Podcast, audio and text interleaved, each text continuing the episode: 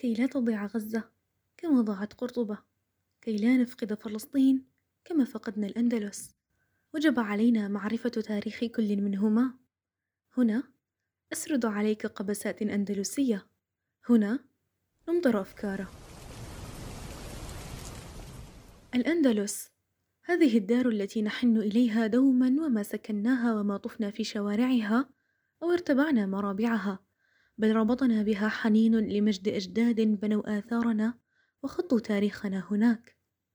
في هذه الحلقة رحلة سريعة للحضارة الأندلسية على لسان ساكنيها ومحبيها. يا أرض أندلس الحبيبة كلمي إني بكيت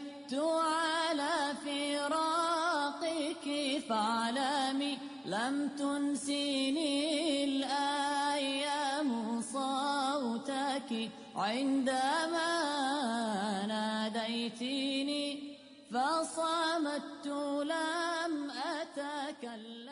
فتح المسلمون الجزيرة الأيبيرية التي هي إسبانيا والبرتغال اليوم فبلغوا بها أعلى درجات الرقي والتقدم فأطلقوا عليها اسم الأندلس تعريبا لكلمة فاندالشيا ويقال أيضا أنهم أخذوا هذه التسمية من قبائل الويندال الجرمانية التي حكمت جنوب إسبانيا فسميت هذه المنطقة فاندالسيا نسبة إليهم فمر اسم المنطقة بمراحل فاندالوس إلى وندلس ثم أخيرا الأندلس بصياغة عربية نقية.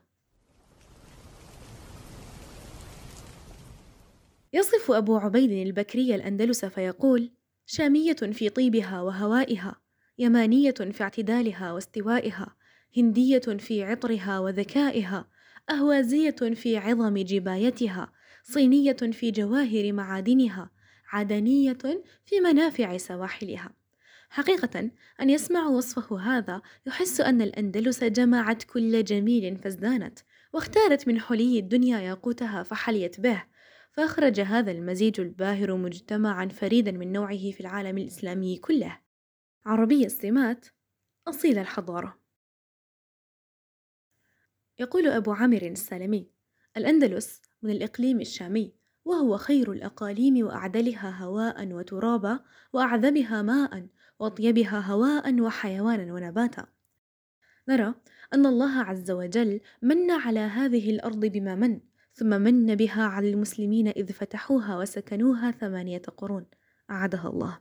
بعدما كانت معقل الفسق والظلم والجور في أيدي القوط الذين ظلموا أهلها وأذاقوهم بؤسا شديدا فسكن علية القوم القصور في حين لا يجد العامة المأوى الآمن. بل وصل بهم الحال أن يباعوا ويشتروا مع السلع فتدنت الأخلاق وانتهكت الحرمات وغابت أدنى مقومات الحياة الطبيعية. كانت أوروبا في ذلك الزمن أبعد ما يكون عن الحضارة والمدنية عصر الظلام بالنسبة لها. حتى كتب الله لها الفتح في عهد بني أمية بعدما استقر لهم الحكم في شمال إفريقيا. يا خيل الله اركبي يا خيل الله اركبي بأيدي رجال صدقوا ما عاهدوا الله عليه وآمنوا أن رسالتهم إخراج الناس من الظلمات إلى النور ومن الهمجية إلى الحضارة ومن عبادة العباد إلى عبادة رب العباد. وهي رسالتنا اليوم كذلك والتي تقاعسنا عنها. دعوني أفتح قوسا صغيرا هنا.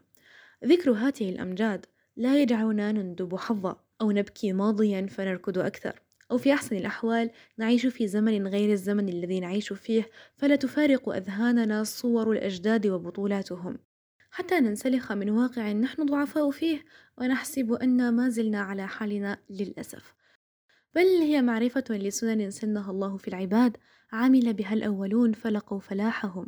ولا بد لنا اليوم من العمل بذات السنن لذات الرسالة. إننا مجد وعز. إننا عائدون أمتي لا تيأسي. عائدون أمتي لا تيأسي. وما نشهده اليوم بعد طوفان الأقصى من العالم وخصوصا بعد سقوط الأقنعة وتوضح الوجهات أعاد لنا البوصلة. أو لأقل ساهم في أن يرى أغلبنا الظلم والظلام الذي يعيش تحت ظله الغرب. والانحطاط الأخلاقي الذي ما زالوا يشهدونه. من عالم تحكمه شريعة الغاب. نسأل الله النصر لإخواننا ولنا نهضة قريبة. ليغلق القوس الآن ولنرجع للسان ساكن من سكان الفردوس المفقود ولنسمع ما قال صاحب الوزارتين لسان الدين بن الخطيب واصفا الأندلس.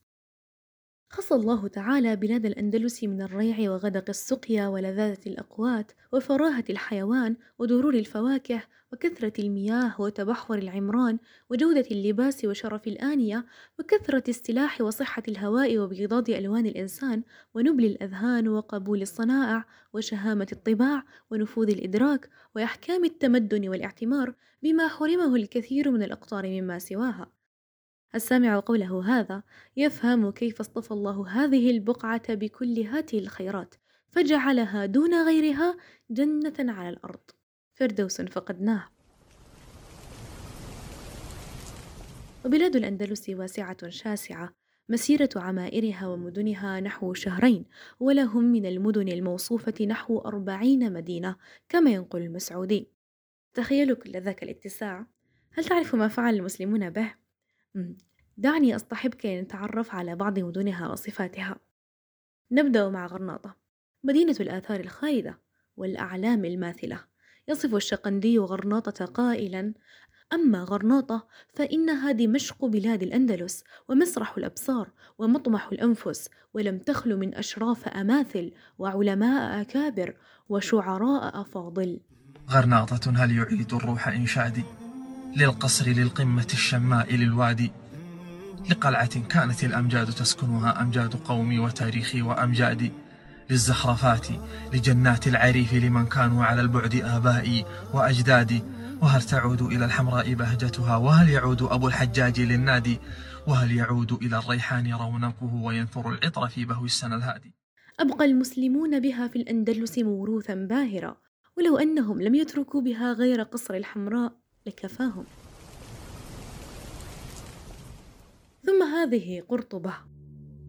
قرطبة حاضرة الدنيا ومجمع الأضداد. الساحة والمعترك قاعدة الخلفاء والأمراء والعلماء وحانة الفساق والزعار. سلم الصعود إلى الذروة ومنحدر السقوط إلى الجحيم. النار والنعيم قرطبة. وبها الجامع المشهور. والقنطرة المعروفة بالجسر ويقول الحجاري فيها هي من الأندلس بمنزلة الرأس من الجسد ويقول ابن سعيد لأهلها رياسة ووقار لا تزال سمة الملك متوارثة فيهم هيا بنا الآن إلى سرقسطة البلدة الكبيرة عليلة الهواء معتدلة المناخ كثيرة السكان والعدد. حيث شرب موسى بن نصير من نهر جلق فحكم أنه لم يشرب بالأندلس أعذب منه. ثم بالغ العرب في وصفها فقالوا لا تعيش فيها الحياة وإن جيء بأفعى إليها لم تلبث طويلة. إشبيلية هذه العروس شريفة البقعة معتدلة الهواء كريمة التربة دائمة الخضرة حسنة المباني والتي عرفت بنهرها الأعظم. والآن إلى طليطلة. طليطلة الجدود الأعظمين أتيتك صادحا حبا دفينا فأنت لدرة الأمصار غرب وأنت منارة للأكرمين. متوسط الأندلس والثغر الأدنى مدينة الأملاك والبساتين المحدقة والضياع البديعة والقلاع المنيعة المحصنة. حيث وجد طارق بن زياد زبور داوود ومائدة سليمان وأربع وعشرين تاجا بعدد ملوك القوط في الأندلس. أما لشبونة أو أشبونة التي كانت عتبة المسلمين للمحيط الأطلسي فبها الجامع الكبير وعمل سكانها بالزراعة والملاحة والصيد كما عرفت بمعدن التبر وإنتاج العسل. أخيرا مالقة مدينة التين التي يضرب المثل بحسنه فيقول أبو الحجاج يوسف المالقي مالقة حييت ياتينها الفلك من أجلك ياتينها. ويقصد السفن وارتياد الناس على مالقة لأجل تينها بالذات كما كانت هذه المدينة من أعظم موارد الأندلس في صناعة الحرير والأواني الخزفية والجلود الملونة الفاخرة. ويقول ابن بطوطة إن مالقة إحدى قواعد الأندلس وبلادها الحسان جامعة بين مرافق البر والبحر كثيرة الخيرات والفواكه.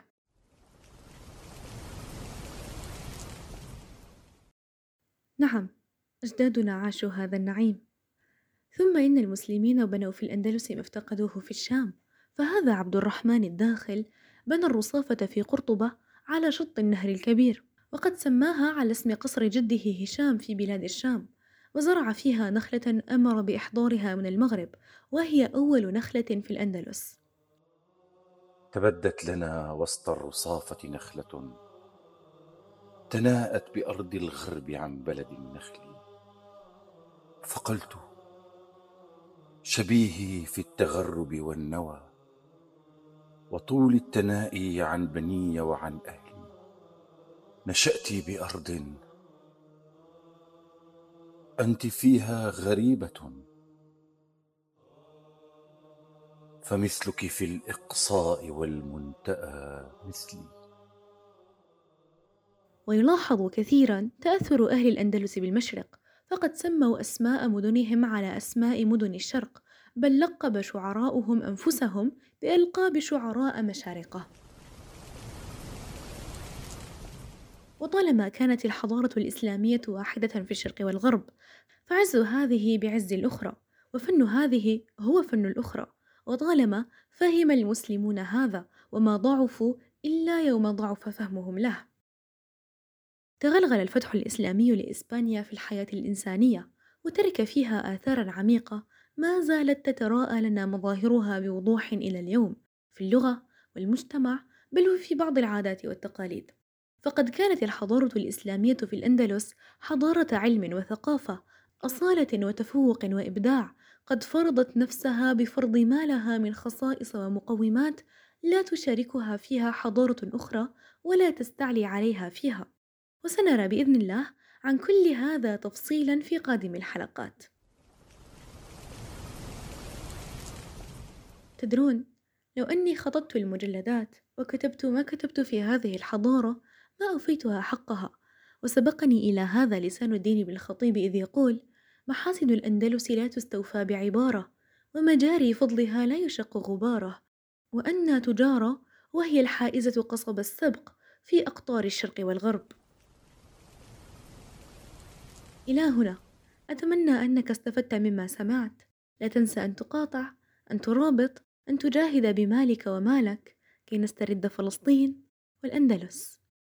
في أمان الله.